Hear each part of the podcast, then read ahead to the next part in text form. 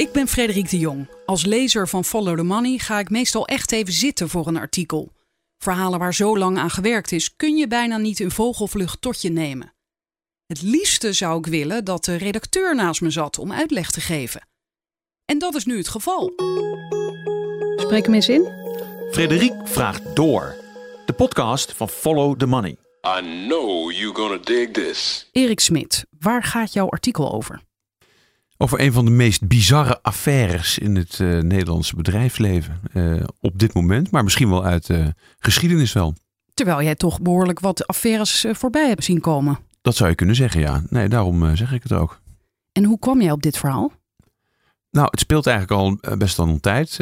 Op ehm, 3 april eh, van dit jaar eh, stond er een, eh, een, kort geding op de rol in, in Almelo tussen een mevrouw Brigitte van Echten versus Gerard Sanderink. En mevrouw van Echten is de vroegere geliefde van Sanderink. En zij klaagde de, de zakenman aan voor smaad en laster. En Gerard Sanderink zelf is, is een hele bijzondere zakenman. Dat wist ik zelf al. Ehm, de man is een hele bekende ondernemer, maar ook eigenlijk een hele, ja, laten we zeggen, wonderlijke ondernemer. Woonde tot en met zijn eh, vijftigste jaar zo'n beetje bij, eh, bij moeders thuis. Eh, en heeft zich eigenlijk monomaan gestort op het bouwen van zijn bedrijven. En dat is met name eigenlijk het bedrijf Centric. En later kwam daar het bedrijf Structon bij, wat hij overgenomen heeft. En dat is een groot bouwbedrijf.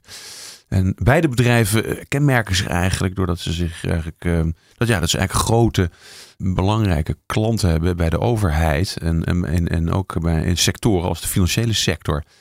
Centric heeft bijvoorbeeld als klant de Nederlandse Bank. Aha. Nou, dat is een beetje het vertrekpunt ook. Dus eigenlijk die twee bedrijven zijn heel belangrijk. Eh, gezamenlijk hebben ze een omzet van 2,9 miljard. Eh, daar hoort eigenlijk ook nog een, eh, een, een groot ingenieursbureau bij. Antea Group heet dat. 2,9 miljard is natuurlijk een aanzienlijke omzet. En er werken iets van 14.300 mensen voor. Dus dat is ook nog eens een keer... eh, ja, er zijn heel veel banen mee gemoeid. Heel veel personen, heel veel levens van mensen die hun carrière daarmee...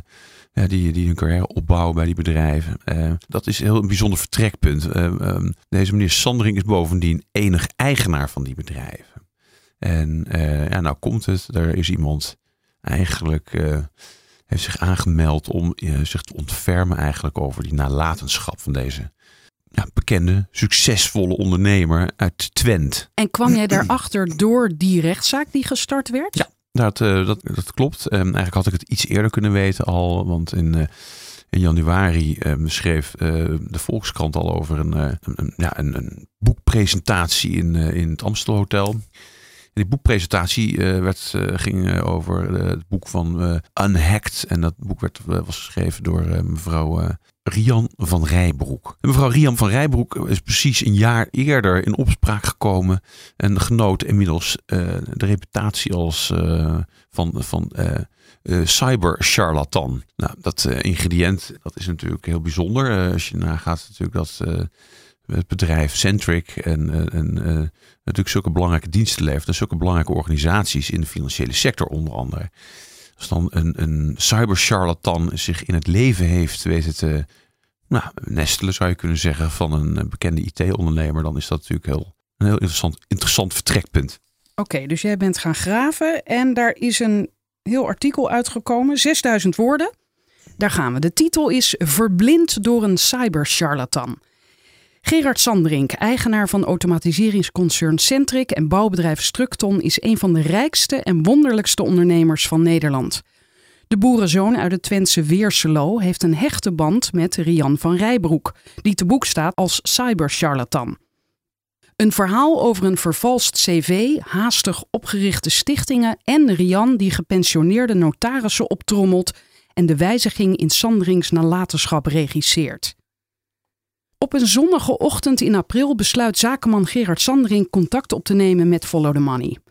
Zou u willen ophouden met mij te bellen en te mailen? Ik ben niet gediend van dat soort praktijken, zegt hij met onvervalst Twentse dictie. Oh ja, die kan ik even niet nadoen.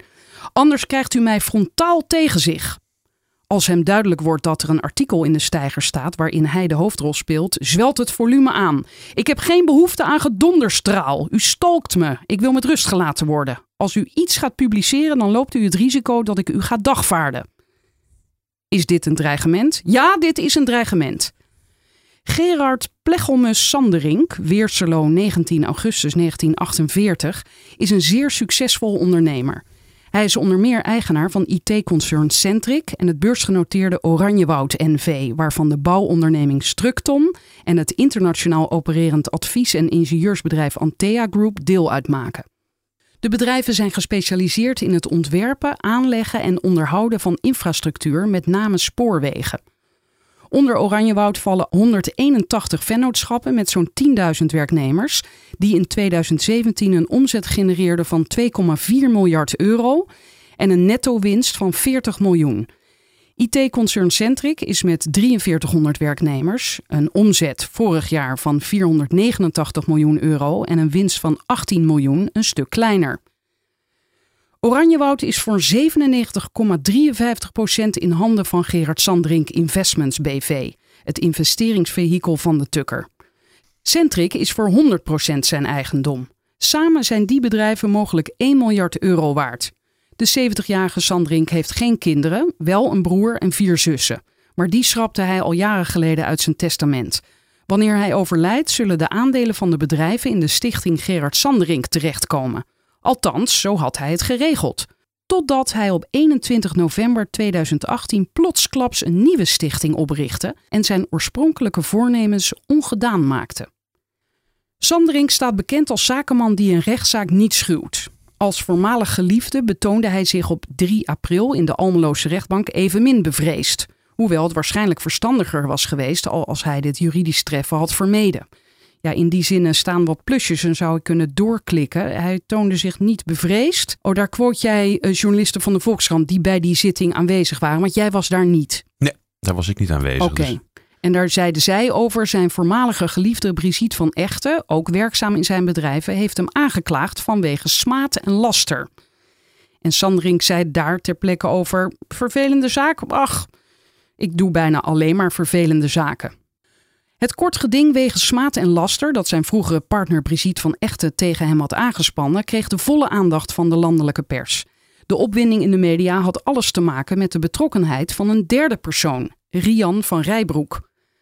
De nieuwe vrouw in het leven van Sandrink genoot in januari 2018, ruim een half jaar voor hun eerste ontmoeting, kortstondig landelijke bekendheid als cyber-expert. Van Rijbroek was door Nieuwsuur als cybercrime-deskundige uitgenodigd. Er was die dag een grote DDoS-aanval op banken gaande. Haar expertstatus was van korte duur. Deskundigen maakten al tijdens de uitzending gehakt van haar uitspraken. Verschillende media beschreven vervolgens de vernietigende kritieken op haar bullshit-optreden. Die uitnodiging van Nieuwsuur had Rian van Rijbroek te danken aan haar samenwerking met voormalig minister Willem Vermeend. Samen hadden ze een boek over cybersecurity en cybercrime geschreven. Dat boek bleek daags na haar televisiedebuut vol plagiaat en onzin te staan en werd van de markt gehaald.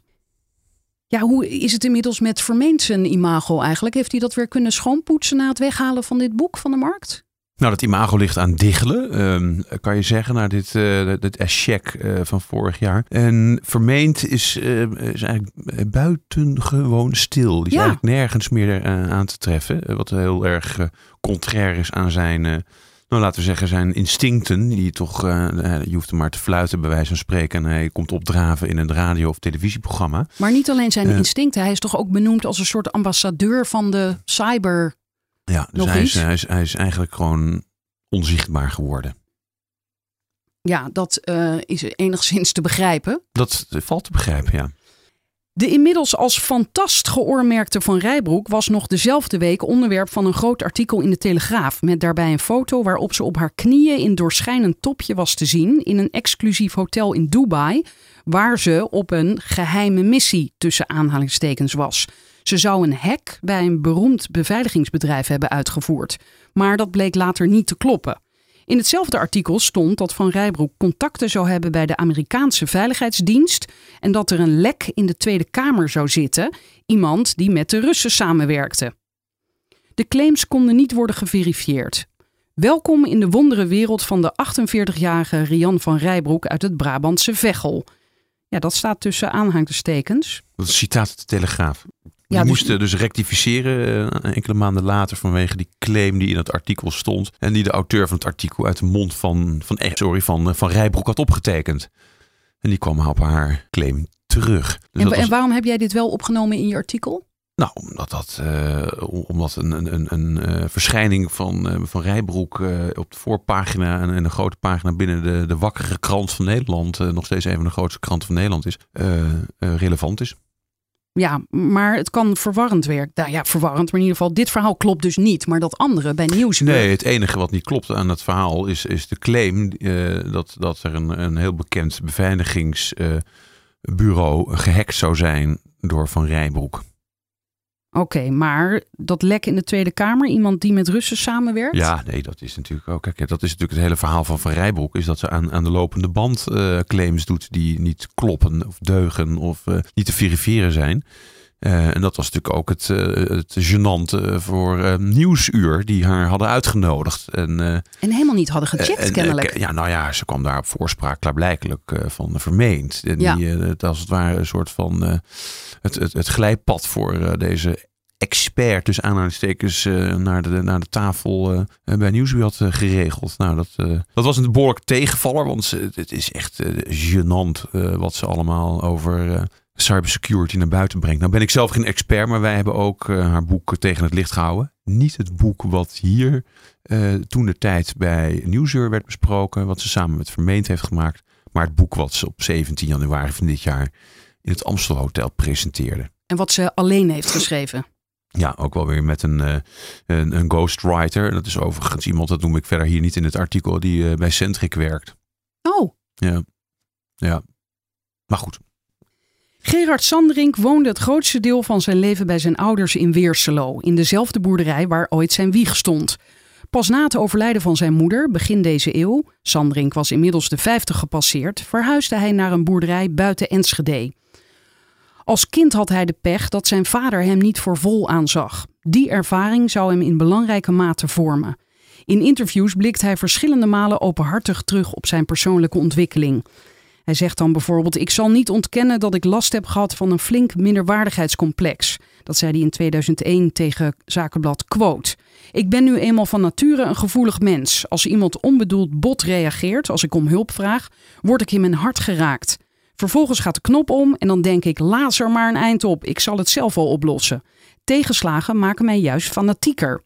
Heb jij hem toen geïnterviewd voor Quote? Nee, nee dat heeft eh, destijds eh, de, de, de, ons officier eh, in charge, eh, Jort Kelder, zelf gedaan met eh, collega Libben Reeskamp. Aha. Datzelfde fanatisme bezorgde hem op zijn 26e een hartinfarct. Sandring zegt erover: die hartaanval had niet zozeer te maken met het harde werken, maar meer met het onvermogen om mijn gevoelens te uiten. Ik wilde mijn problemen zelf oplossen en tegenslagen alleen verwerken, met als gevolg dat de spanningen zich opstapelden. Na mijn hartinfarct ben ik opener geworden. Alle ellendige dingen waarmee ik zit, gooi ik er nu direct uit. Van een uiterst onzeker mannetje met een zwaar Twents accent groeide Sandrink uit tot een hypergemotiveerde student die meerdere technische studies deed en in de jaren 90 als ondernemer succes boekte in de IT. Dat deed hij op een manier die geheel tegen de tijdgeest en de mores van de sector indruiste, zonder opsmuk en zonder een cent te veel te besteden. Zelf leefde hij daar ook naar. Zondags naar de kerk, rijdend in middenklassers en gekleed in twee halen één betalen confectiepakken. Zijn motto: hard werken, niet te hoog van de toren blazen als je iets hebt bereikt. Nuchter blijven, geen grote visies. Het gaat erom hoe ver reikt de stok. Dat zei hij in het Financiële Dagblad. Hoe ver reikt de stok? Die kende ik nog niet, die uitdrukking. Nou, zo leer je toch ook weer wat, hè? Ja, mooi. Dat is Twents waarschijnlijk. Ik ben een normaal nuchter persoon en straal uit dat ik met beide benen op de grond sta. Daardoor kan ik dingen op een heldere en begrijpelijke manier formuleren, zodat het helemaal geen hocus pocus is, tekende automatiseringstijdschrift Computable op. Hoe ver reikt de stok, zou je ook kunnen zeggen. Dat je steekt de stok in het water om te kijken hoe diep het is, hè? Oh, inderdaad. Brigitte van Echten is de eerste vrouw in Sanderings leven. Ze is zes jaar jonger en leert hem in 2002 kennen. De liefde bloeit op. Ze wonen vijf jaar samen, gaan geregeld op vakantie en brengen hun vrije tijd meestal met elkaar door. Ook zakelijk ontspruit er een relatie. Vanaf 2003 bestuurt Van Echten enkele van zijn ondernemingen. Dat doet ze met succes. Van het verlieslatende bedrijf Dutch Solar Systems, DSS, weet ze een winstgevende onderneming te maken. In 2007 verandert het karakter van hun verhouding. De intieme relatie wordt omgezet in een platonische. De hechte vriendschap blijft niettemin bestaan en Van Echten bestiert nog altijd zijn ondernemingen, die tot eind 2018 blijven groeien en steeds winstgevender worden. Eind 2018 wordt Van Echten op slag duidelijk dat er iets met haar goede vriend aan de hand is. Op zondag 11 november belt ze Sandrink om te vragen of hij nog langskomt. Al jaren komt hij na zijn kerkbezoek bij haar langs. In dat gesprek laat Sandring geëmotioneerd weten van echte te verdenken van fraude bij DSS en de daarmee verbonden bedrijven die zij in zijn opdracht leidt. Dat heeft hij op basis van onderzoek van de Amerikaanse inlichtingendienst en met medeweten van de Nederlandse inlichtingendienst AIVD kunnen vaststellen, beweert hij. Het geld zou naar Afrika zijn weggesluist en Van Echte zou software van zijn bouwonderneming Structon op een server in Gambia hebben laten zetten. Ze zou onder invloed staan van Afrikaanse criminelen en met Afrikaanse mannen naar bed gaan. Daar zouden zelfs beelden van zijn. Ja hoor. Nou ja, het is maar wat je hoort op een zondagochtend. Hè. Heb jij dit van haar persoonlijk gehoord? Dit staat allemaal in de dagvaarding. Die heb ik uh, weet, mijn hand op weten te leggen. In die dagvaarding daar staat eigenlijk al dit uh, ja, precies beschreven door de, de raadsman uh, van, van, van Echten. Een dagvaarding kun je natuurlijk via de, via de, de, rechtbank natuurlijk uiteindelijk verkrijgen. Ik heb hem via een andere weg uiteindelijk verkregen, maar het komt op hetzelfde neer. Sanderink staat er onbekend nooit e-mails te sturen, vertellen bronnen.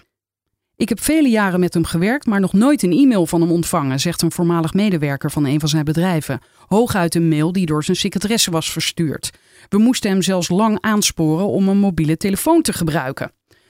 Maar later die zondag, na hun telefoongesprek, krijgt Van Echte een mail van Sanderink, verstuurd vanaf een pas aangemaakt iCloud-account. en die mail heb jij hier geplaatst. Eens even kijken. Beste Brigitte, zou je zo vriendelijk willen zijn vrijwillig ontslag te nemen uit mijn stichting Gerard Sanderink? Destijds ben je in de stichting gekomen omdat wij samenwoonden en een liefdesrelatie hadden.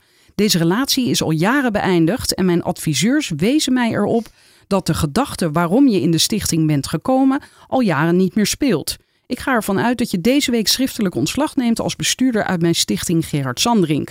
Met vriendelijke groeten, Gerard van Sanderink. Ja, hm. dat kun je wel eens opmerkelijk beschouwen. Ja, oh, dat schrijf jij hier ook. Want je zegt het is van echte onmiddellijk duidelijk dat Sandrink dit bericht niet zelf heeft verstuurd. Hij zou zijn eigen naam nooit fout schrijven. Van een andere vrouw in het leven van haar vroegere geliefde is Van Echte dan nog niet op de hoogte. Nou ja, wat hier interessant aan is, is ook dat die stichting, die, eh, waar, waar eh, Sanderink naar verwijst, dat is de stichting Gerard Sanderink, eh, dat die in 2014 is opgericht. En dat is dus zeven jaar na het ophouden van hun liefdesrelatie. Dus waar hij. Ja, precies, waar, waar dus die mail ja. naar verwijst eigenlijk. Dat, dat van joh, we hebben een andere relatie en dus geldt het niet meer. Dat is natuurlijk eigenlijk wel heel gek. Ja, dat lijkt een vreemd argument inderdaad. In 2012 liet Sandrink weten over zijn nalatenschap na te denken. Binnen het bedrijf besprak hij met enkele belangrijke managers hoe de continuïteit van zijn ondernemingen na zijn overlijden kon worden gewaarborgd. In datzelfde jaar vertelde Sanderink Tubantia dat het eigendom van zijn bedrijven na zijn dood zou toevallen aan een stichting. Anders zou er na mijn overlijden over de waarde van beide ondernemingen zoveel aan successierechten aan de staat betaald moeten worden dat Centric en Oranjewoud niet in hun huidige vorm kunnen voortbestaan, zegt Sanderink. Dit soort dingen moet je bij leven regelen. Ik ben dit verplicht aan mijn medewerkers. En zo geschiedde. Gerard Sandrings nalatenschap komt uiteindelijk ten goede aan de regio waar hij zelf geboren en getogen is, in de vorm van een stichting met een maatschappelijk goed doel. Zo meldt de website van de stichting Gerard Sandring, die in 2014 wordt opgericht. Hij is zelf voorzitter en er worden vier medebestuurders benoemd. Eén daarvan is zijn vertrouweling Brigitte van Echten, die als secretaris wordt aangesteld. Uit de notariële akte blijkt dat dit een levenslange aanstelling is. Alleen blijkt Sanderink in 2018 na gesprekken met adviseurs op andere gedachten te zijn gekomen. Eind november 2018, tien dagen na het bewuste e-mailtje waarin Sanderink van Echten vraagt om terug te treden, wordt de stichting Technology and Cybersecurity Gerard Sanderink opgericht. De statuten zijn vrijwel hetzelfde als die van de stichting Gerard Sanderink, tot aan de bewoordingen toe. De doelstellingen zijn wel aangescherpt, wat terugkomt in de naam van de nieuwe stichting. Die zal actief worden op het gebied van cybersecurity en blockchain-technologie. Er is ook een ander bestuur. In plaats van vijf mensen zijn het er nu drie. Voorzitter is wederom Sandring zelf. Eike Schoots, een voormalige directeur van Structon, die nog steeds actief is als niet-operationeel bestuurder en ook in de andere stichting bestuurder is, wordt secretaris. Rian van Rijbroek gaat over het geld. Zij is benoemd tot penningmeester van die nieuwe stichting. Hoe zou ze dat voor elkaar gekregen hebben?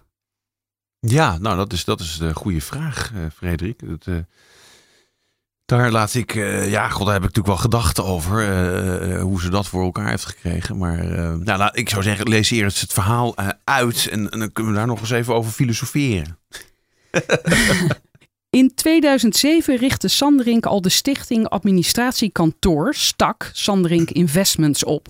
Deze stichting, die aanvankelijk vernoemd was naar zijn automatiseringsbedrijf Centric, oefent het stemrecht uit over de gecertificeerde aandelen van zijn bedrijven. Als enig bestuurder van de stak heeft Sanderink het alleen voor het zeggen. Dat betekent dat er na zijn overlijden niemand klaarstaat die het stokje kan overnemen. Om die reden heeft Sanderink bij zijn notaris vijf enveloppen gedeponeerd met daarin de namen van vertrouwelingen die na zijn dood het bestuur van de stak en daarmee van zijn bedrijven kunnen overnemen. Zo blijkt uit gesprekken met meerdere bronnen rond Sanderink die bekend zijn met deze opzet. Ja, daar staat een heel schema onder waarin dat wordt uitgelegd, ook met inderdaad rode envelopjes met vraagtekens erbij. Heb jij ooit eerder gehoord van eh, zo'n manier? Is dit gebruikelijk? Ja, nee, dat is helemaal niet eens zo'n gekke methode om dat te doen, inderdaad. Er zijn uh, wel, wel, vaker natuurlijk hele vermogende families of vermogende ondernemers uh, uiteindelijk die hun, het bestuur van die de ondernemingen eigenlijk in andere handen geven naar, nadat ze zelf zijn overleden. En, en, en dat gaat dan ook inderdaad op, op, op overeenkomstige wijze. Dus dat is op zich niet zo gek. Uh, de structuur op zichzelf is ook niet zo gek. Hè? Dus dat, dat ook de aandelen, CQ, de aandelen certificaten in een andere stichting terechtkomen. Waar het bezit eigenlijk uh, aan toevalt. Uh, en wat je hier, een, een, ideale opzet heb je hier dan ook nog zoiets als een, een soort van spelregels. Want die, die, die, ja, die vijf namen in die enveloppen, je, je wilt eigenlijk, als, je, als je overlijdt, wil je natuurlijk ook dat ze jouw spelregels, jouw DNA eigenlijk incorporeren. in de wijze waarop dan die ondernemingen verder bestuurd worden. Nou, die, die bestaan eigenlijk niet. Hè? Dus het, het, het, zeg maar, het werk is nog niet af. nee, want hoe, die mensen weten zelf nu nog niet dat hun naam is opgeschreven. Misschien hebben sommigen een vermoeden. Ja, die namen die erin zaten, die zijn allemaal op de hoogte gesteld uh, ooit. Oh, uh, wel. Van, ja, oh, zij weten, het. Ja, ze weten allemaal wel dat er, uh, dat er, dat er hun naam in, in die envelop voorkomt. En dat is natuurlijk ook de, de vraag welke, welke, welke namen er nu nog in zitten. Want het is natuurlijk eigenlijk een, een, ja, een testamentaire kwestie. Het, uh, Sandring bepaalt zelf wie de namen zijn. En hij kan ze eruit halen, erin zetten uh, enzovoort. En ja, als je... Ja, er is natuurlijk al nu op dit moment het nodig aan de hand. Dus er, is, er zullen namen in- en uitvliegen, zo is het vermoeden. Maar denk jij dat die mensen enigszins uh, destijds, toen hij zei, nou jullie uh, zitten erin in die enveloppen, toen dat allemaal nog duidelijk was, zijn ze toen ook een beetje voorbereid op wat ze dan moeten doen als hij overlijdt? Nee, dus dat, dat, dat, dat, dat, heb je eigenlijk op het moment dat er een, uh, ja, laten we zeggen, een soort van blauwdruk ligt of een, een, een, een handleiding waarin staat: oké, dit, is de, dit is de wijze waarop deze onderneming in de toekomst bestuurd moet worden. En we gaan uit van, nou, ik noem maar wat, hè, de lange termijn. We gaan niet op korte termijn uh, maximaal rendement. We willen onze klanten zo deugdelijk mogelijk en zo goed mogelijk bedienen. En daar is ja, daar wil je alles voor, op, uh, voor in de waagschaal stellen. Nou ja, ik noem maar iets. Hè. Dus uh, ja. uh, het kan ook zijn dat je het maximale rendement op korte termijn als belangrijkste item ziet. Nou, dat is niet de wijze waarop Sanderik zelf zijn onderneming heeft bestuurd. Die is altijd heel sober en degelijk te werk gegaan. Vandaar ook dat dat bedrijf ook echt grote klanten heeft. En hele serieuze klanten. Op woensdag 16 januari van dit jaar vormt de Spiegelzaal van het Amstel Hotel in Amsterdam het prestigieuze decor voor de presentatie van het tweede boek van zelfverklaard cyber-expert Rian van Rijbroek. Unhacked, de geheime wereld van cyber en hacks. Die bijeenkomst wordt gefinancierd door de man die ze vijf maanden eerder heeft leren kennen, Gerard Sanderink. Althans, door de stichting die hij anderhalve maand eerder heeft opgericht. De Stichting Technology and Cybersecurity Gerard Sanderink. Medewerkers van Centric krijgen het werk gratis aangeboden. Deskundigen die het boek lezen maken ook unhacked met de grond gelijk. Het verbaast me zeer dat hoge IT-managers die echt beter horen te weten achter dit boek staan, zegt security-deskundige Floris Meester, die, net als twee andere experts, op verzoek van FTM het boek tegen het licht hield. En hij zegt dan ook nog: daaruit blijkt vooral dat ze ongeschikt zijn voor de functie die ze bekleden. Prutswerk of niet, de presentatie van het boek kan nauwelijks feestelijker en uitbundiger zijn, schrijft de enige aanwezige journalist later in de Volkskrant.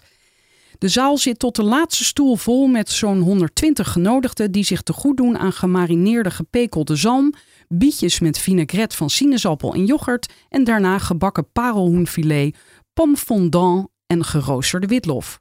Heerlijk. Een, een koningsmaal. Hè? Best wel trek in nu, ja. Sandring zegt bij die gelegenheid dat Van Rijbroek over een formidabele expertise over cybercriminaliteit beschikt. Hij had kennelijk die uitzending van Nieuwsuur eh, gemist en al die commotie eromheen. Ja, klaarblijkelijk.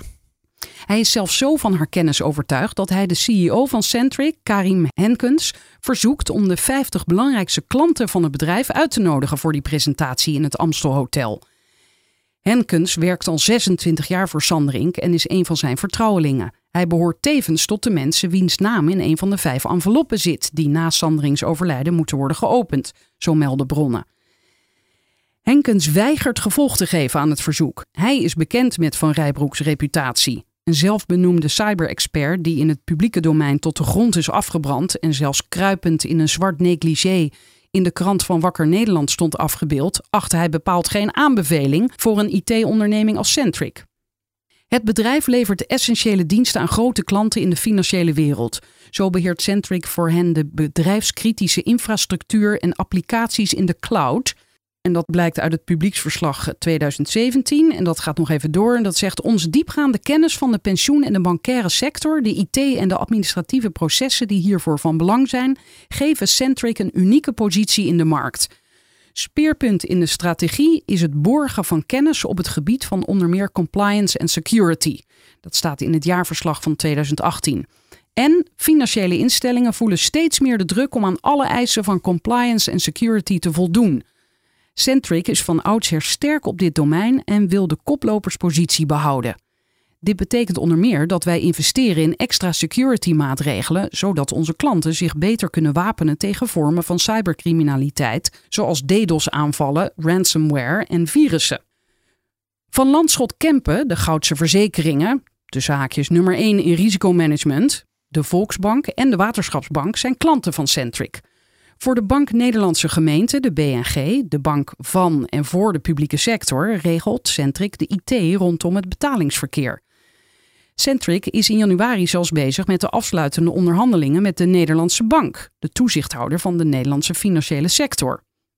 Henkens weigering om Centric's belangrijkste klanten voor de boekpresentatie van Sanderings nieuwe vriendin uit te nodigen kost hem de kop. Na zich ruim een kwart eeuw voor Centric te hebben ingezet, kan hij zijn biezen pakken. Prompt vertrekt ook niet uitvoerend bestuurder Guust Sturm. Dat Henkens rukzichtloos op straat is gezet omdat hij Centric niet met Van Rijbroek wenst te associëren, was voor Sturm onaanvaardbaar.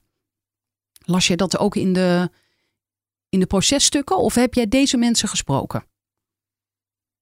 Ik kan niet zeggen dat ik deze mensen gesproken heb. Dat blijkt ook niet uit, uit de tekst. En ik heb wel goed Wat ben je toch gedaan. streng tegen me, Erik? Ja. Ik stel je gewoon een vraag.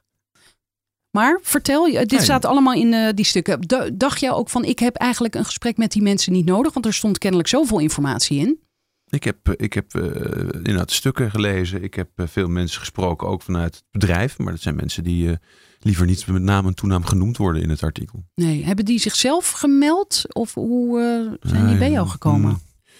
Nou, het is niet zo dat mensen altijd naar Erik Smit toe lopen. Daar moet, moet Smit zelf moeite voor doen, kan ik je vertellen. Ja.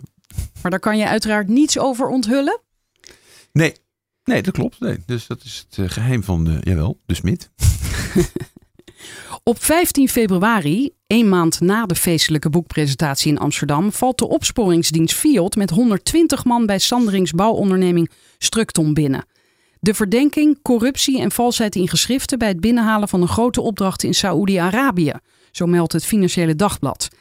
In de hoofdstad Riyadh werkt Structon aan de bouw van een metronetwerk. Om die order binnen te halen zouden medewerkers van het bedrijf smeergeld hebben betaald. De Raad van Commissarissen onder leiding van Herman Spenkelink had in 2017 zelf al onderzoek laten doen naar de wijze waarop die order in Saoedi-Arabië was binnengehaald. Maar er was niets uitgekomen, zo meldde het jaarverslag. Sanderink heeft eerder met justitie te maken gehad. In 2012 werd hij door het gerechtshof Amsterdam tot een boete van 100.000 euro veroordeeld omdat hij heimelijk handelde in aandelen Centric. Daarmee schond hij de meldplicht. Hij zei daarover: Ik moet ondernemen en van de rest heb ik geen verstand. Hij weigerde adequate juridische hulp in te schakelen en liet zich slechts bijstaan door een bedrijfsjurist die niet ter zake kundig was. Het Hof oordeelde dat er binnen Centric een gebrek aan elke relevante kennis op het terrein van het financiële toezicht was en dat Sanderink als topman ernstig tekortgeschoten was. Ja, dit staat nou voor mij, voor mijn gevoel, haaks op, op die sobere manier van ondernemen. Of in ieder geval die, die behoedzame manier van ondernemen. Of heeft dat niks met elkaar te maken? Nee, de, soberheid wil niet zeggen dat, uh, dat, dat je uh, zeg maar geen. Dat, je, dat je niet ook nog eens een keer de cent uitgeeft om je goed in juridische zin te laten vertegenwoordigen. Ik denk juist dat die zuinigheid hem hier heeft opgebroken. Want een, een duur advocatenkantoor van de Zuidas inhuren om je laten bijstaan tegen een procedure die uh, iets te maken heeft met, uh, met financieel toezicht. En uh, ja, dat, dat is, dat is misschien in die tijd voor hem een brug te ver geweest. Met een nood, nood, noodlottige gevolgen. Althans, noodlottig. Hij moest een flinke boete betalen. Maar hij heeft een, een ja, behoorlijke, laten we zeggen, veer moeten laten in die tijd. En ook, ook wat betreft zijn reputatie. Ja, want, want er is kennelijk sprake geweest van corruptie en het betalen van smeergeld. Maar is dat dan buiten hem om gebeurd? Nou, dat behelst natuurlijk de, de aanklacht die er uh, vermoedelijk nu ligt. Hè? De, waarom uh, de Fiat is binnengevallen. Dat eerdere uh, vergrijp, dat ging natuurlijk eigenlijk over het niet melden van aandelentransacties. Dus dan koopt, die heeft hij heel veel aandelen gekocht. Zonder dat aan te melden keurig. Dat moet je doen. dat is verplicht. ja, als, je, als je die verplichting niet eh, serieus neemt, dan, uh, ja, dan krijg je natuurlijk een flinke oorvijg. Uh, en dat is hier ook gebeurd. Die, dat gedoe rondom Field, althans met Structon, ja, dat wijst eigenlijk op een, op een veel ernstiger delict. Want het betalen van steekpenningen.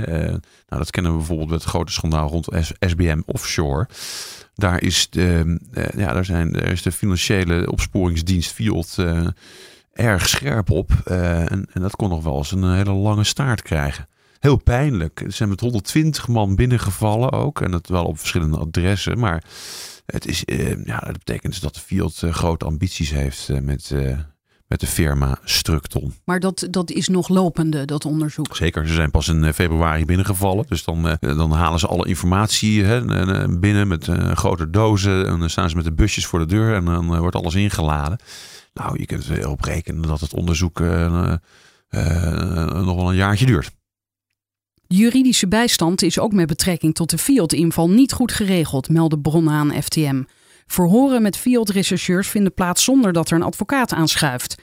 Iets dat in verband met grote Fiat-onderzoeken als hoogst ongebruikelijk mag worden aangemerkt. Bedrijven die met strafrechtelijke onderzoeken te maken krijgen, zoeken daarbij in de regel hulp.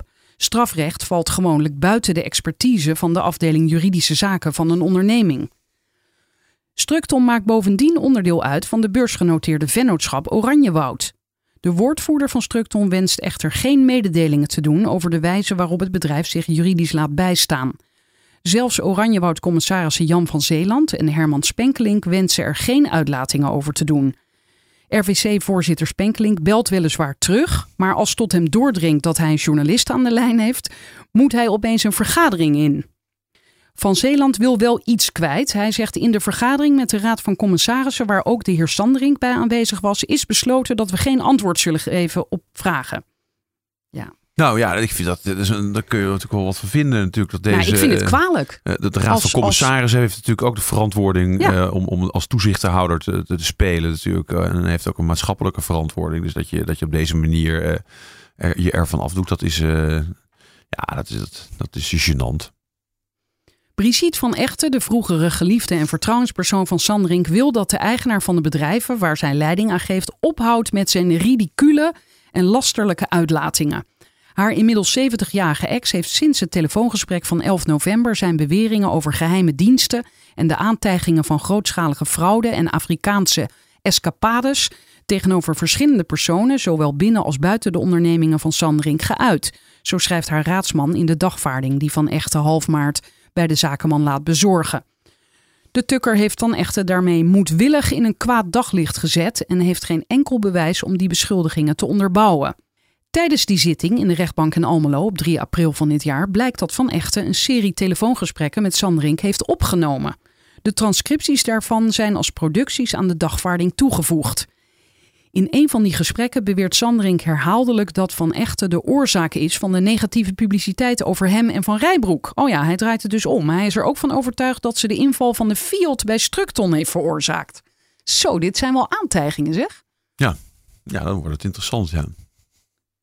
Volgens Van Echten speelt Van Rijbroek een rol in het onverklaarbare gedrag van Sanderink. Haar raadsman zegt in de dagvaarding: Het is een publiek geheim dat Sanderink een stoornis heeft in het autistische spectrum en om die reden met name door manipulatieve vrouwen zeer beïnvloedbaar is.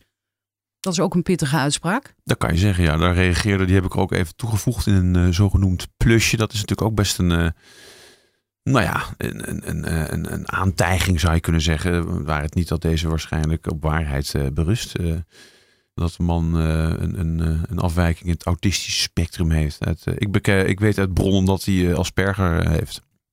In het plusje staat inderdaad ehm, een stukje uit het verweer van Sanderings advocaat. Die zegt het is ironisch dat Van Echten in een zaak waarin zij een ander van smaad en laster beschuldigt, zelf dit soort volstrekt onware en ongefundeerde uitingen doet. Zelfs in rechten. Ja, het is echt een, een beetje een wel niet verhaal.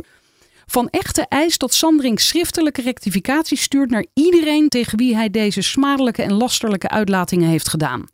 Volgens Sandering's advocaat maakt Van Echte het geschil veel te groot. In het telefoongesprek van 11 november waren weliswaar harde woorden gevallen, maar daarvoor had Sanderink zijn excuses gemaakt. De Centric-baas maakt zich inderdaad zorgen over de toestand bij bedrijven waarover zijn ex de leiding heeft. Maar zodra de onderzoeken zijn afgerond en er niets is gevonden, is hij bereid om zijn woorden terug te nemen. Wat Sanderink per se niet ongedaan wil maken, meldt zijn advocaat in zijn pleidooi, is de nieuwe situatie wat betreft zijn nalatenschap. Sanderink had twee oud-notarissen, Rob de Beer en Stefan Lieshout, gevraagd om te adviseren in zaken de stichting Sanderink. Zij stelden dat de positie van Van Echten in die stichting onaantastbaar was. Tegelijkertijd kreeg Sanderink signalen van een beveiligingsbedrijf dat in zijn opdracht zijn persoonlijke veiligheid onderzocht. Dat niet nader genoemde bedrijf werkt volgens Sanderings advocaat samen met internationale geheime diensten en kreeg signalen uit Saoedi-Arabië. Ik, ik weet niet of ik het nog kan volgen, want uh, even kijken hoor. Wat hij dus niet ongedaan wil maken, is uh, de nieuwe situatie wat betreft zijn nalatenschap. En wie zijn dan, ja, die notarissen noem jij, maar uh, zij zeggen de positie van Van Echten in die stichting was onaantastbaar als iets negatiefs bedoelen ze dat. Nu dringt het op mij door, geloof ik. Dat hangt er maar vanaf wat, uh, de, wat, wat ermee beoogd wordt met zo'n uh, positie. En, uh, en, en, en dus, dat is één. Ehm, maar oh, is die daadwerkelijk onaantastbaar, die positie? Dat is maar de vraag. Maar dat, dat voeren zij aan als argument om aan te tonen dat het goed is dat zij daar weggaat? Of dat zij vinden, of dat hij dus wil dat ze weggaat? Kennelijk. Ja, dan kom ik even terug op dat stukje wat ik net half voorlas. Tegelijkertijd kreeg Sanderink signalen van een beveiligingsbedrijf dat in zijn opdracht zijn persoonlijke veiligheid onderzocht. Dat niet nader genoemde bedrijf werkt volgens Sanderings advocaat samen met internationale geheime diensten en kreeg signalen uit Saoedi-Arabië. De conclusie van het bedrijf: er werd gerommeld met zijn iPhone en mogelijk zijn gelden weggesluist vanuit het metroproject in Riyadh naar vennootschappen waarover Van Echte de leiding heeft. Oké, dus dit is weer een nieuwe aantijging. Een extra aantijging ja. daarbovenop. Ja. Dus wat je eigenlijk ziet hier is dat die advocaat eigenlijk zegt... nou ja, dat je, het, eh, Van Echte overdrijft het heel erg... Uh, en uh, ze, ze, maakt het allemaal veel groter dan het werkelijkheid is. Maar tegelijkertijd uh, herhaalt hij eigenlijk wat het gesprek heeft behelst. Nou ja, ik vind het een nogal matig pleidooi om het dan maar even kort samen te vatten. Van Rijbroek is geen kwade genius die erop uit is van echte zwart te maken, stelt Sanderings advocaat. Maar dat Van Echte in de dagvaarding van Rijbroek in discrediet probeert te brengen, acht hij stemmingmakerij. Hij voert aan dat ook de Chief Technology Officer, CTO van Centric, Freddy Veldmaat, achter Van Rijbroek staat. Dat onderbouwt de raadsman op de zitting met een e-mail die Veldmaat daags daarvoor aan Sandring stuurde. En daarin looft hij de indrukwekkende boekpresentatie in Amsterdam, waarbij hij aanwezig was. In diezelfde e-mail lijkt de CTO genegen om Van Rijbroek bij de bedrijfsactiviteiten van Centric in te zetten. Nee. En toen waren die andere twee al opgestapt. Die ene moest weg en die ander ging mee omdat hij het er niet mee eens was. En die, eh, zaten met uh, gekromde tenen thuis. Toen ze dit, of nou misschien hebben ze dit niet te horen gekregen. Nou goed, ik beoordeel mensen op hun persoonlijke merites. Destijds heb ik de nodige gesprekken gevoerd met Rian van Rijbroek over cybersecurity haar ervaring op dit vakgebied en hoe zij haar kennis met Centric zou kunnen delen. Als CTO van Centric weet ik uit ervaring dat mensen met dit soort ervaring zeer schaars zijn. Ik ben onder de indruk van haar kennis en kunde. Al dus de CTO van Centric. En zoals je, ik heb daar een, ehm, dus een paar mensen over, uh, deskundigen echt over eh, gevraagd. Om dat boek van haar nog eens even tegen het licht aan te houden. Daar, zit ook een heel stuk in dit artikel. Wat daar heel diep op ingaat. Uh, waarin die passages uit het boek helemaal ontleed worden. De Floris Meester onder andere. En, en dat zijn ook de mannen die zeggen van ja, een CTO die dit, deze dame omarmt. Of dat boek omarmt nou ja, die, die, ziet ze kortweg vliegen. Ja, en, ja. Uh, en hier zie je dus de CTO van het bekende IT-bedrijf Centric omarmt deze dame in zijn geheel en zegt, uh, suggereert zelfs, nou, ik zie eigenlijk wel mogelijkheden ja, om haar. Uh, mag hier komen werken. Nou ja, inderdaad. Maar dan is zij wel een, een uh, waanzinnige intrigante. Hè? Dit krijgt zij allemaal voor elkaar kennelijk. Nou, ja, nou, nou ja, ik vind het, het, je het heel knap kan je ook zeggen. Ja. De zitting wordt door verschillende journalisten bijgewoond en de dagen daarna verschijnen er lijvige artikelen in landelijke en regionale kranten. Cybercharlatan van Rijbroek stort bedrijven van Twentse ondernemer Sanderink in bestuurlijke chaos, zo kopt de Volkskrant. En het Twentse Tubantia schrijft: Wie kroop er in het hoofd van miljonair Gerard Sanderink? Een dag voor de rechtszaak in Almelo dient wordt bekend dat Centric het IT-beheer voor de Nederlandse bank gaat uitvoeren. Dat gegeven, gecombineerd met de commotie rond zelfbeweerd cyber-expert Rian van Rijbroek, leidt daags na de zitting tot kritische vragen van het FD aan de toezichthouder. Het bestaande contract met Centric kan worden ontbonden indien aantoonbaar aan essentiële voorwaarden niet wordt voldaan, laat DNB weten. En DNB is schriftelijk door de directie van Centric op de hoogte gesteld en heeft geconcludeerd dat mevrouw van Rijbroek geen rollen heeft die dicht bij het DNB-contract of het toekomstige eigenaarschap van Centric liggen, verklaart DNB na vragen van Follow the Money over de invloed van Van Rijbroek op het automatiseringsbedrijf. De toezichthouder benadrukt dat de beveiliging voor haar systemen en de data niet aan Centric is uitbesteed. En dan zeggen ze nog, zoals gebruikelijk zal DNB ontwikkelingen aan de zijde van haar leveranciers nauwlettend volgen. Nou, zoals gebruikelijk, ja, kunnen ze dat claimen? Dat ze dat altijd uh, op de voet volgen? Nou, dat denk ik wel. Ik bedoel, dat zijn natuurlijk hele, hele belangrijke zaken. Dus ik denk dat echt wel binnen, binnen, binnen de bank, de, de Nederlandse bank, echt wel mensen zitten die dat heel goed in de gaten houden. Alleen het punt is, op het moment dat je een, een IT-leverancier in de arm neemt, het is niet zo'n kwestie dat je even morgen weer van een andere. Je koopt geen ijsje op de markt. Je gaat een langere relatie aan. En het punt is ook, uh, ze kunnen er Centric kan bijvoorbeeld erop wijzen dat zij geen officiële functie heeft, maar dat zegt nog niets over de invloed die ze heeft in het bedrijf inmiddels. Dus dat is heel moeilijk te checken, lijkt me. Dat lijkt me ook heel moeilijk te controleren. Zeker als je die uitspraak uh, van uh, de CTO Veldmaat er nog eens bij een, bij een naslecht. Die lyrisch is over, over mevrouw Rian van Rijbroek. Ja, dan kan je je natuurlijk ook als eh, DNB wel gaan afvragen met welk bedrijf zijn wij dan in zee gegaan.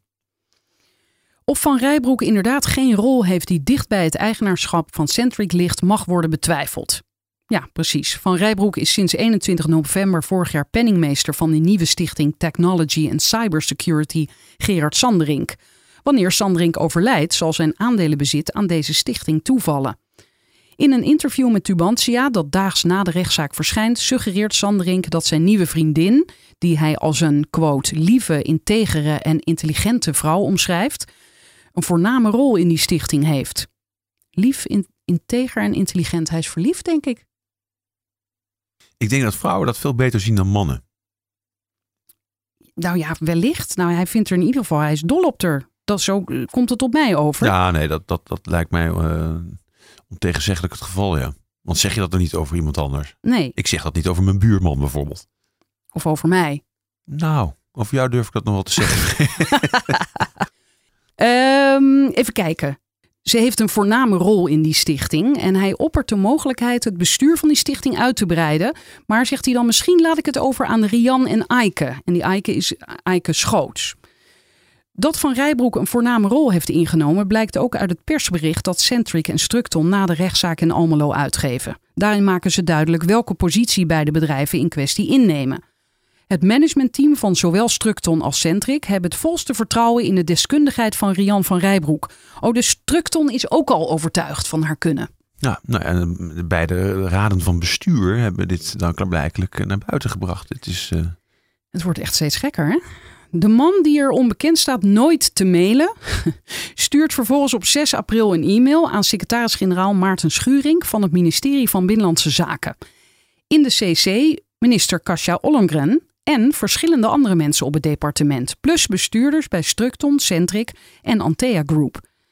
De aanleiding, de correspondentie die Van Echten eerder met het ministerie voerde, nadat Sandrink haar van fraude had beschuldigd en daarbij claimde dat die informatie mede van de AIVD afkomstig was. Volgens Sandrink heeft die correspondentie geleid tot de Fiat-inval bij Structon. Hij onderbouwt die bewering met een bijgesloten Word-document, aangemaakt door Van Rijbroek. Ja, nou dat is ook al heel bijzonder dat je een Word-document deelt daar zitten natuurlijk allerlei, uh, ja, als je naar de eigenschappen van zo'n document kijkt, dat heb ik gedaan, dan uh, zie je wie dat heeft gemaakt. Uh, op welk moment het aangemaakt is, wie dat heeft aangemaakt. En, en dat is Mamomo BV, en dat staat voor Make More Money, van, oh. van Rian van Rijbroek. En de datum staat erbij en, en ook het tijdstip zelfs. En dat is vlak voor die rechtszaak in, in Almelo heeft dat, heeft dat plaatsgevonden. Dus nou, dat is überhaupt al gek, hè? dat je als cyber security expert, dat je dan uh, je, een, een, document wat, wat, waar iedereen dan nog in kan gaan sleutelen, nog eventjes uh, zo meestuurt met, met die, al die eigenschappen. Dat is. Nou ja, dat, is dat een is, actie van een digibate, zou je kunnen nou, stellen. Nou, jij zegt het, inderdaad. Dat, zou ik, dat is ook mijn conclusie. Maar het interessante is natuurlijk ook wat er nog in dat document staat daar, daar, vertelt eigenlijk Van Rijbroek in dat ehm, eh, het, het, ministerie van Binnenlandse Zaken, BZ, afgekort BZK, dat op het moment dat zij ehm, ehm, aanmeldingen of uh, aantijgingen krijgen van fraude, dat zij gedwongen zijn de, dat soort kennis te delen met het ministerie van Financiën, waaronder de Belastingdienst resorteert. En dat dat soort kennis dus ook bij de opsporingsdienst van de Belastingdienst, zijnde de FIOT, terechtkomt. En zie daar, dat is de reden geweest waarom de FIOT dus heeft binnen, is eh, binnengevallen bij, uh, bij Structon. Ja. Dat staat daar. Ja. Het is een krankzinnige theorie die hier uh, meegestuurd wordt in, dat, in, in die e-mail vanaf dat adres van Sanderink. Notabene aan de minister even. En uh, uh, nou ja, dat, dat, dat, dat, dat, dat laat zien hoe, hoe, hoe gek het allemaal is. En dan die naam van haar bedrijf, Make More Money. Die is ook vrij doorzichtig of duidelijk. Momo. Ja, nou ja, goed. Is ook wel lekker eerlijk ook. Ja.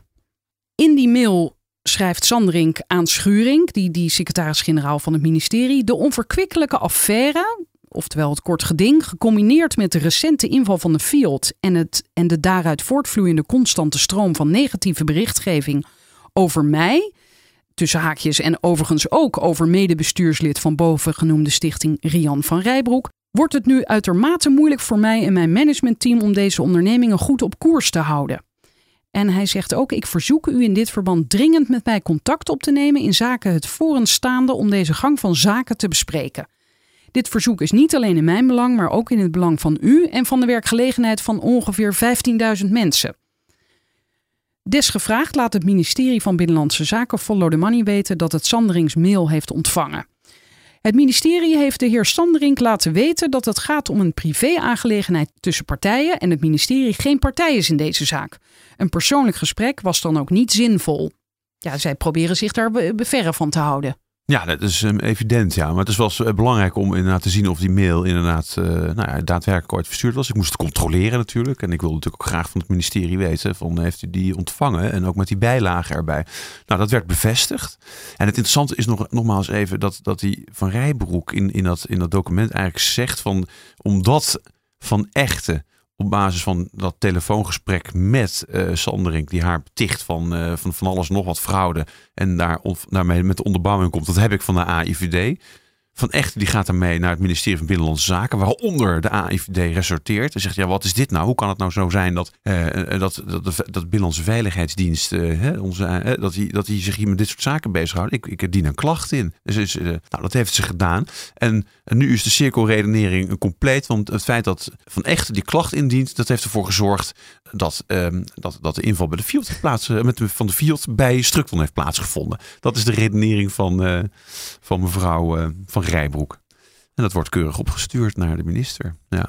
En als je dit in een film zou zien, dan, dan zouden we het een B-film noemen?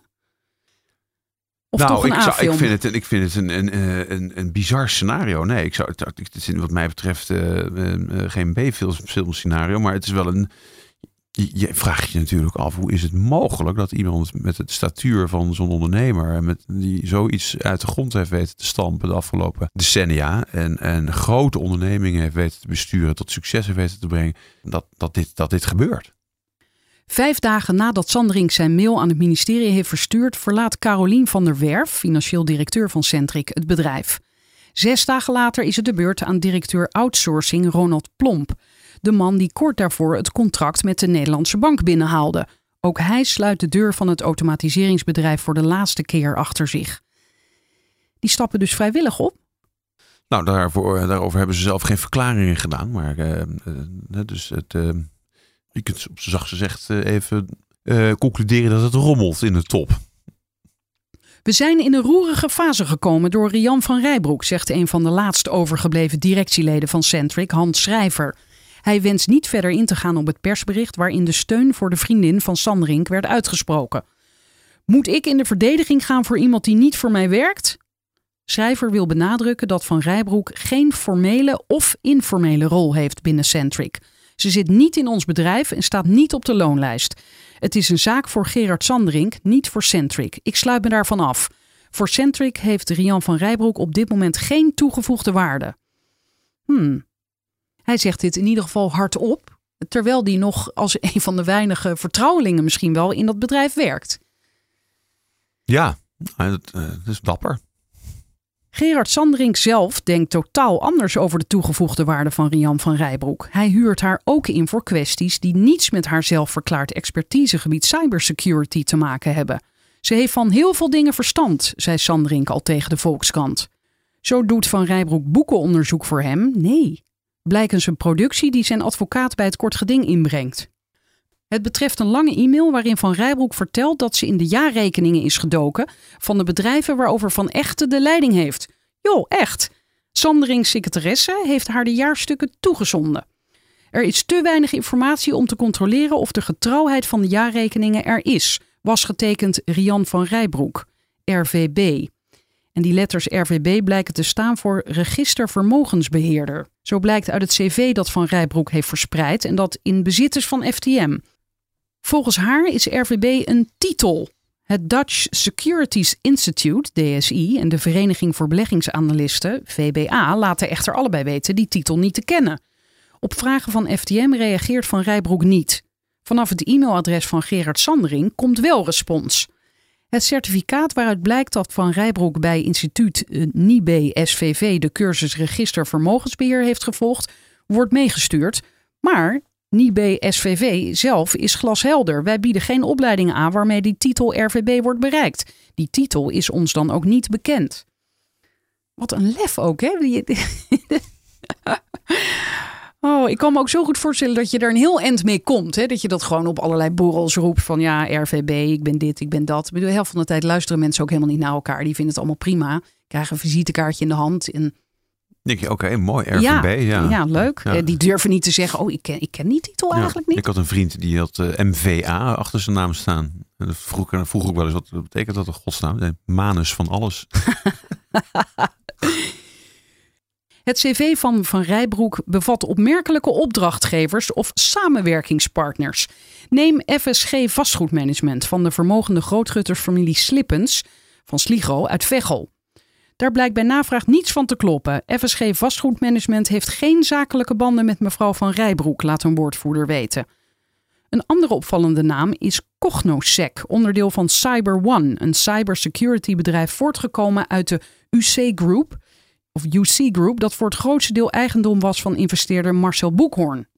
Om dit zakelijke contact van geloofwaardigheid te voorzien, heeft Van Rijbroek WhatsApp-berichten als bijlage aan haar cv toegevoegd. Ze communiceert daarin met Philip van Wijngaarden, een vertrouwenspersoon van Boekhoorn. Van Wijngaarden beaamt desgevraagd dat hij in 2017 via de app contact had met Van Rijbroek, maar hij heeft haar nooit ontmoet. Zij zou klanten binnenbrengen voor Cognosec en had volgens eigen zeggen een groot netwerk, zegt Van Wijngaarden. Ze dweepte onder andere met Willem Vermeend, maar ze schermde ook nadrukkelijk met de naam Karel van Eert en met het bedrijf Jumbo. Daar zou ze een pilot met blockchain gaan doen.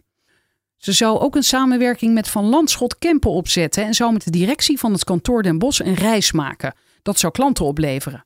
Een andere keer vertelde ze weer dat ze met oud-notaris Stefan Lieshout bij de politie was geweest, want de politie zou ook klant worden. Ze schermde voortdurend met namen van mogelijke opdrachtgevers, maar er is nooit iets van terechtgekomen en er is nooit een officiële zakelijke relatie geweest. Wauw. Ook andere bronnen melden dat Karel van Eert en Jumbo herhaaldelijk door Van Rijbroek als goede relatie worden betiteld. De heer Van Eert en mevrouw Van Rijbroek hebben elkaar wel eens persoonlijk ontmoet, bevestigt de woordvoerder van Jumbo. Er is echter op geen enkele wijze sprake geweest van een zakelijke relatie of werkzaamheden voor Jumbo of de heer Van Eert. Wij betreuren het ten zeerste dat mevrouw Van Rijbroek kennelijk dit soort leugens verspreidt. Oké, hier wordt het gezegd, leugens. Van Landschot Kempen laat weten dat er van een samenwerking met Van Rijbroek geen sprake is geweest. Hoeveel bedrijven heb jij moeten bellen om te vragen: heeft u wel eens met mevrouw Van Rijbroek gewerkt? Ik heb er een aantal uitgekozen. Niet te geloven. Ook Valkenberg Beheermaatschappij Tilburg BV prijkt op haar cv. Voor de eigenaar van deze vennootschap, Frans Brouwers, trad Van Rijbroek wel zakelijk op. Zij het met name voor een andere vennootschap van Brouwers, FRJ BV. Het FD onthulde in april dat Brouwers daarbij schade had opgelopen. Uit een schrijven van Brouwers waar FTM de hand op wist te leggen blijkt dat er nog een rekening open staat. Ik krijg nog geld van haar dat ze van me geleend heeft, schrijft Brouwers. Een opvallende constante in het cv van Van Rijbroek is haar woonplaats, het Brabantse Veghel. Ze woont in een buurt met vrijstaande huizen waar ook notaris in rusten, Stefan Lieshout, 79 jaar, is neergestreken. Ze woont hier in Veghel en ik doe wel eens wat voor haar, zegt Van Lieshout wanneer FTM hem vraagt naar zijn banden met Van Rijbroek. En mijn vroegere associé Rob de Beer, ook gepensioneerd, doet dat ook. Ik kan met hem goed overweg en als zich een zaak aandient, dan praten we daarover. De zaak die Van Rijbroek recentelijk aandroeg, betrof de nalatenschap van Gerard Sanderink. En hij zegt dan, ze is zo vermogend dat ze het geld van Van Sanderink niet nodig heeft. Van Rijbroek is in mijn ogen een eerlijke vrouw die volstrekt op eigen kracht veel heeft bereikt. Bij het bedenken hoe het vermogen van Sandrink na diens overlijden beheerd moet worden, vroeg Van Rijbroek zijn hulp. Dat levert uiteindelijk een schriftelijk advies op. In een ongedateerde brief, door Van Lieshout ondertekend, wordt uiteengezet dat het van groot belang is dat de structuur met de stichtingen van Sanderink wordt gewijzigd. De brief maakt onderdeel uit van de producties die de advocaat van Sanderink in het kort geding inbracht. Ja, die brief is hieronder afgedrukt, die is vrij lang, die zal ik niet helemaal voorlezen. Er zit wel een belangrijke passage in, inderdaad. En het, het, wordt, in die brief worden een paar dingen echt beweerd. En dat is dat van echte, uh, het, het, het, gehele bestuur van uh, de ondernemingen van Sanderink ja, zou kunnen controleren als hij zou overlijden. En wat ook wordt gezegd is dat zij enig erfgenaam zou zijn als hij zou overlijden. Nou, dat is allemaal eigenlijk onzin. Hoe bedoel je dat is onzin? Nou, ik heb dat gecheckt. Ehm, ik heb dat nou op zich kan je dat natuurlijk zelf ook beredeneren. Die stichting ehm, Gerard Sanderink, eh, daar zitten in totaal vijf bestuurders in, uh, inclusief Sanderink zelf. Nou, als die komt te overlijden, zijn er nog vier over. Waarvan één voor het leven benoemd. Um, dat is van Echte. En daarnaast zitten er nog drie andere bestuurders in. En uh, wat hier ook in wordt beweerd in die brief van Van Lieshout is dat uh, er geen statutenwijzigingen kunnen plaatsvinden vanwege die dominantie van Van Echten. Nou, dat is onjuist. Er kunnen wel degelijk statutenwijzigingen plaatsvinden. En het is onjuist dat Van Echten enig erfgenaam is. Want de erfgenaam is, als de stichting al erfgenaam zou zijn, dat weten we natuurlijk niet 100%. Dat weet je pas als je het testament van ja. Sandrink gezien hebt. Maar als dat zo zou zijn, zou de stichting erfgenaam zijn en niet Van Echten. En die levenslange benoeming maakt haar niet enig erfgenaam. Dus er staan uh, zeer onzorgvuldige eigenlijk uh, um, um, ja, uh, conclusies in, in die brief die, die wordt aange, aange, ja, meegenomen zeg maar, in die producties van die advocaat van Sandering. En door, door Van Lieshout ondertekend wordt. Ongedateerd. Ja, Ja, zeer ongebruikelijk. Ja. En dan staat hieronder: Gerard Sanderink zou er nooit in toegestemd hebben dat Brigitte van Echten in feite enig erfgenaam van heel zijn nalatenschap zou worden.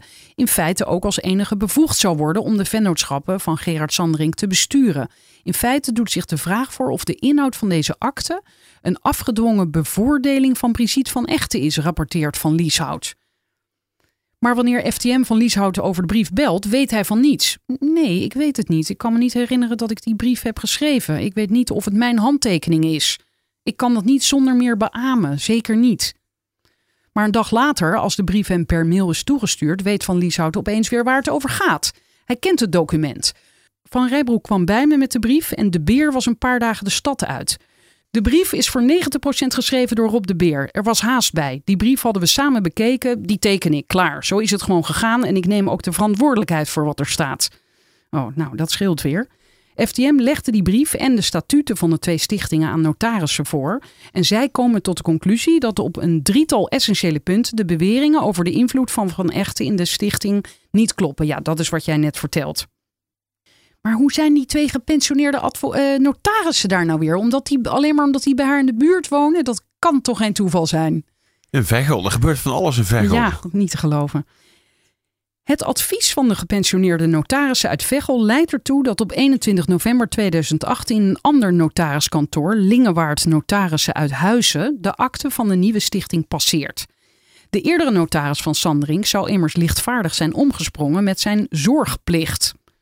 Ook dit notariskantoor is een relatie van Van Rijbroek, blijkens haar cv. Ze beschrijft hen als opdrachtgever slash samenwerkingspartner. Notaris Paul Kok van Van Lingewaard Notarissen denkt daar anders over. Mevrouw Van Rijbroek is inderdaad een cliënt, eh, slash reguliere verwijzer van NCQ naar ons kantoor, laat Kok weten. Maar er is geen sprake van een samenwerkingsovereenkomst of anderszins afspraken omtrent samenwerking. De Stichting Technology and Cybersecurity Gerard Sanderink is een feit, maar daarmee is de continuïteit van Sandering's ondernemingen nog niet geregeld. Wie de mensen zijn wier naam in de vijf enveloppen zitten die na Sanderings overlijden het bestuur van zijn ondernemingen in handen mogen nemen, is niet bekend. Volgens betrokkenen en experts zouden daar in elk geval instructies aan toegevoegd moeten zijn. En de vraag of de eventuele nalatenschap van de aandelen Centric, Structon en Antea Group via de stichting Technology and Cybersecurity Gerard Sandring bevredigend is geregeld, houdt de gemoederen nog bezig. Centric-directeur Hans Schrijver zegt: Als Gerard Sandring komt te overlijden, dan hebben we nog wat te doen, lijkt me. De continuïteit van het bedrijf is van het grootste belang. Er moet iets worden geregeld. Of daar al aan wordt gewerkt, wil hij niet zeggen. In het telefonische contact met FTM stelt Sanderink dat hij zich voor niemand hoeft te verantwoorden. Ook niet als het de toekomst van zijn bedrijven betreft. Ik ben niet van plan om maar iets te zeggen. Maar dat doet hij even later toch. Hij zegt: Ik heb niemand in mijn bedrijf opgenomen op hoge toon. Hij doelt daarbij op Rian van Rijbroek. Ik heb geen relatie met Van Rijbroek, voegt hij met stemverheffing toe. Sanderink ontkent ook dat de aandelen van zijn bedrijven aan Stichting Technology en Cybersecurity Gerard Sanderink zullen toevallen. Dat is onzin, roept hij verschillende malen. Het is allemaal onzin. Ik ontken alles. Hier eindigt jouw artikel. Het is een wanhoopskreet. Ik ontken alles. Ja, ja, ik heb dat nog niet eerder voor het, het mond van een eh, grote ondernemer mogen optekenen. Maar hij nam op en, en stond jou wel te woord. Nee, het ging anders. Hij belde mij op. Dat is ook waar het artikel Ja. mee begint. Hè? Dus eh, hij belde mij woest op. Eh, want ik had hem inderdaad al een aantal keer gemaild. eh, met vragen. Evenals Rian van Rijbroek met, dan, met, met, met Sandrink in CC.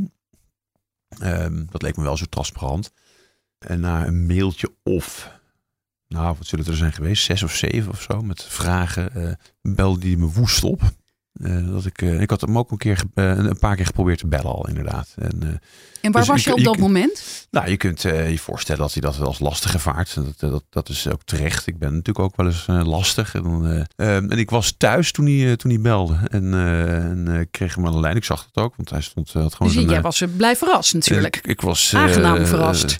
nou, ik vind het altijd fijn dat er teruggebeld Ja. wordt als ik, als ik vragen stel. Inderdaad. Alleen hij gaf natuurlijk nergens antwoord op. En hij maande mij met, met enige stemverheffing. Dus eh, tot, het, eh, tot eh, onmiddellijk op te houden. Want ja, hij zei van, joh, ik ga een kort geding tegen je beginnen. Als je tegen mij opneemt, dan, dan, dan zwaait er wat. Maar toen dacht jij, ja, maar hij gaat toch nooit een advocaat inhuren, want dat vindt hij te duur. Nou, nee, dat denk ik niet. Want ik heb in dat artikel ook laten zien dat hij zich helemaal niet. eh, het is niet iemand die zich die, die, die bang is om een, een, een gerechtelijke procedure aan te, aan te vangen. Als hij vindt dat hij in zijn gelijk staat. Nee, maar ik verwees even naar die corruptiekwestie, Ja. waarin eh, die... Ja, maar ik, ver- ik verwijs dan ook weer naar dingen die, eh, die ik daar ook in. Dus hij is niet zo eh, krenterig dat hij niet eh, in, in de rechtszaal gaat knokken. Dat had hij dus nu ook met die van Echt natuurlijk keurig kunnen voorkomen. Had alleen maar met van Echt eh, een soort van regeling hoeven treffen. En dan was dat allemaal niet, eh, was het allemaal niet gebeurd. Hè? Dat heeft hij niet gedaan. En eh, dus het, het risico is wel degelijk. Dus natuurlijk dat, eh, dat er nog een, eh, een dagvaarding bij Voldemar die op de deurmat eh, ploft. eh, of die dan wordt afgeleverd door een deurwaarder. Eh, die, die kans bestaat. Eh, maar dat zou ook niet zo heel intelligent zijn van eh, meneer Sanderink als hij dat zou doen. En hoe is het nu met mevrouw Van Echten? Nou, eh, dat weet ik niet precies, omdat eh, net als Van Rijbroek eh, eigenlijk van echt niks van zich laat horen. Dus die, die, die kiest ervoor om, om, om niks geen commentaar te leveren. Ik heb het natuurlijk wel geprobeerd in, met, met telefoneren, en mailen. En, en, en ja, Eike Schoos, zeg maar de tweede man, de rechterhand van een rechterhand van, van Sanderink, die weigert ook iedere, ieder commentaar te geven. Dat is natuurlijk ook heel wonderlijk. Deze man heeft een hele verantwoordelijke rol. Ehm, ehm, voor dat bedrijf. En je, je, je, moet- toch op een, een of andere manier en, en, eh, naar de buitenwereld toetreden. En op een, eh, ja, op een hele heldere manier verklaren wat hier aan de hand is. Eh, Nou ja, maar die, die heldere verklaring is er mogelijk helemaal niet. Want ik zit net te denken aan een Griekse tragedie. Van alles loopt op rolletjes, jarenlang een imperium opgebouwd. En in comes the woman. Ja, kijk, als je, als je dat patroon bekijkt, hoe, hoe, zij, eh, hoe, hoe dat lijkt eh, te, gebeuren. Hè? Dus als je, als je teruggaat naar het telefoongesprek van Sanderink eh, naar, naar Van Echten op, eh, op, eh, op 11 november. Waarin hij eh, duidelijk eh, bang is dat er van alles aan de hand is met zichzelf bij het bedrijf. In, in, eh, bij die bedrijven die Van Echten bestuurt. Dat, er, dat heeft hij het, van geheime diensten gehoord. En, en noem maar En dat op. verhaal over Afrika, dat sleept Afrika, hier er ook. geld naartoe gesluist, geheimen van, van zijn eigen bedrijven. Dus op, van het ene moment op het andere moment is van echt een groot gevaar. Op een of andere manier is dat in zijn hoofd geplant. Nou, je kunt je af. je- je- het is logisch om te denken dat daar Van Rijbroek eh, natuurlijk eh, voor verantwoordelijk gehouden moet worden. En nou, op dat moment, als je, als je iemand bang maakt, en dat, dat zie je dus ook heel erg in, die, in, in, het, in de geschriften van Van Rijbroek. Hè, dat, is, eh, dat zeggen de experts ook. Het is voor een groot deel angst zaaien wat ze doet. Dan, dan, en als iemand daar ja, ehm, ja, zijn oor naar laat hangen, dan, dan heeft ze natuurlijk ook tegelijk de oplossing. Dat is zij zelf immers. En ehm, ja, op het moment dat je dan iemand eh, in iemands leven komt en eigenlijk ook die persoon isoleert van de buitenwereld. Hè, eh, andere mensen rondom hem heen, om Sandering heen, die zeggen van ja, eh, wacht even, dat, je, Stap op. eh, Je, je, je, ga- je, bent, je gaat, dit gaat niet goed. Nee. Ik ga die klanten niet meenemen naar die boekpresentatie. En eh, nou, hup, exit. eh, CEO Karim Henkens. Hè, dus, de, dus de man Sandring wordt geïsoleerd. En, daarmee heeft eigenlijk ja, Van Rijbroek eigenlijk een enorme machtige positie verworven in, over deze persoon. Dat is heel interessant. Ja, de methode die, die, eigenlijk hier eh, wordt gebruikt, eh, zo merkt de eindredacteur van FTM, eh, Karen Spink op, die zelf nodige ervaring heeft met, met het onderwerp wat ik nu ga vertellen. Die zegt van dat lijkt heel erg op een secte, de manier. Hè? Dus het bang maken, isoleren en, en, en uiteindelijk een, macht verkrijgen over een persoon. Waarom weet Spink dat? Die heeft een jaar of tien tegen de Scientology Church geknokt eh, en, en die methode van heel nabij kunnen aanschouwen. En daar ook echt heel veel- onderzoek naar gedaan. En dat, dat is interessant om hier te zien eigenlijk een beetje. Dat, eh, dat, dat zou hier aan de hand kunnen zijn. Ik zeg niet dat dat zo is, maar je, je, je, je ziet de patronen hier, eh, hier eh, ja, aftekenen. Is dit verhaal nu rond? Nee, want eh, er komt natuurlijk nog van alles uit die field, eh, uit dat field-onderzoek. Nou, en wat ik ook schrijf aan het eind. ehm, dat, dat, dat, Heb ik dat- niet alles dat, voorgelezen? Dat is, dat is ehm, nog het voorlezen waard. Dat is het kleine blokje. Oh, het kleine blokje, daar komt hij. De zaak tussen Brigitte van Echten en Gerard Sanderink wordt op 11 juni voortgezet. Oh, dat is vrij snel. Een vergelijk tussen partijen is niet tot stand gekomen, zegt Philippe School, de advocaat van Brigitte van Echten, als FTM daarnaar informeert. Sanderink zal zich dan door een andere raadsman laten vertegenwoordigen. Zijn eerdere advocaat Hugo Bijleveld laat desgevraagd weten de tukker niet meer bij te staan. Brigitte van Echten, Eike Schoots, bestuurslid van de Stichting Technology and Cybersecurity Gerard Sandrink en Rian van Rijbroek wensen niet in te gaan op vragen van FTM. Ja, dat vertelde je net al, maar hij komt dan dus met een nieuwe advocaat. Ja, dat is klaarblijkelijk. Uh, dus of Sandrink heeft uh, Bijleveld op, uh, op, op de kei geknikkerd. Of Bijleveld heeft gedacht van... wacht even, ik, ga me, ik, ik, ik, ik, ik kan u niet verder verdedigen in deze kwestie. Dat wilde hij helaas niet zeggen wat de reden was. Nee, nee dat doen die advocaten ook niet. Dat is ook terecht. Je moet natuurlijk die geheimhouding maar dit is, ja, dat, dat, roept natuurlijk wel de nodige vragen op, zou je zeggen. Dus, maar goed, hoe dan ook. 11 juni staat de, de, de volgende aflevering in deze. Ja, en, en nou, je mag dit toch wel een beetje een, een, nou, een soap zou ik het niet willen noemen. Het is, het is heel ernstig wat hier aan de hand is. Daarom heb ik dit ook op, eigenlijk opgeschreven. Het, het, het, heeft natuurlijk alle kenmerken natuurlijk van een heel persoonlijk privé verhaal. Maar het gaat natuurlijk echt ook om, om een paar grote bedrijven die, waar, waar vele duizenden mensen werken. En dat ja, heeft, waarvan dat hij zelf uh, tot voor ja. kort graag wilde dat, dat daar goed voor gezorgd wordt als hij er niet meer is. Ja, dus dat, het heeft een, een aanzienlijk maatschappelijk belang uh, eigenlijk om hierover te schrijven. En, en, niet alleen dat, natuurlijk een van die bedrijven, met name Centric, is natuurlijk ook nog eens een keer een leverancier van diensten aan sectoren die uh, ja, van, ook van elementair belang zijn, met name de financiële sector. Notabene, de toezichthouder van de banken ja, ja. is klant bij uh, Centric. En dan kan je je afvragen of je blij bent met een CTO die roept dat um, Rian van Rijnbroek een, een, een zeer ter zake kundige cyber-expert is. Ik haal even diep adem en ik zeg, uh, word vervolgd. Erik, dankjewel. Ja, graag gedaan. Wil je weten wanneer een nieuwe aflevering online staat? Schrijf je in voor mijn nieuwsbrief. Die vind je bij ftm.nl slash Frederiek.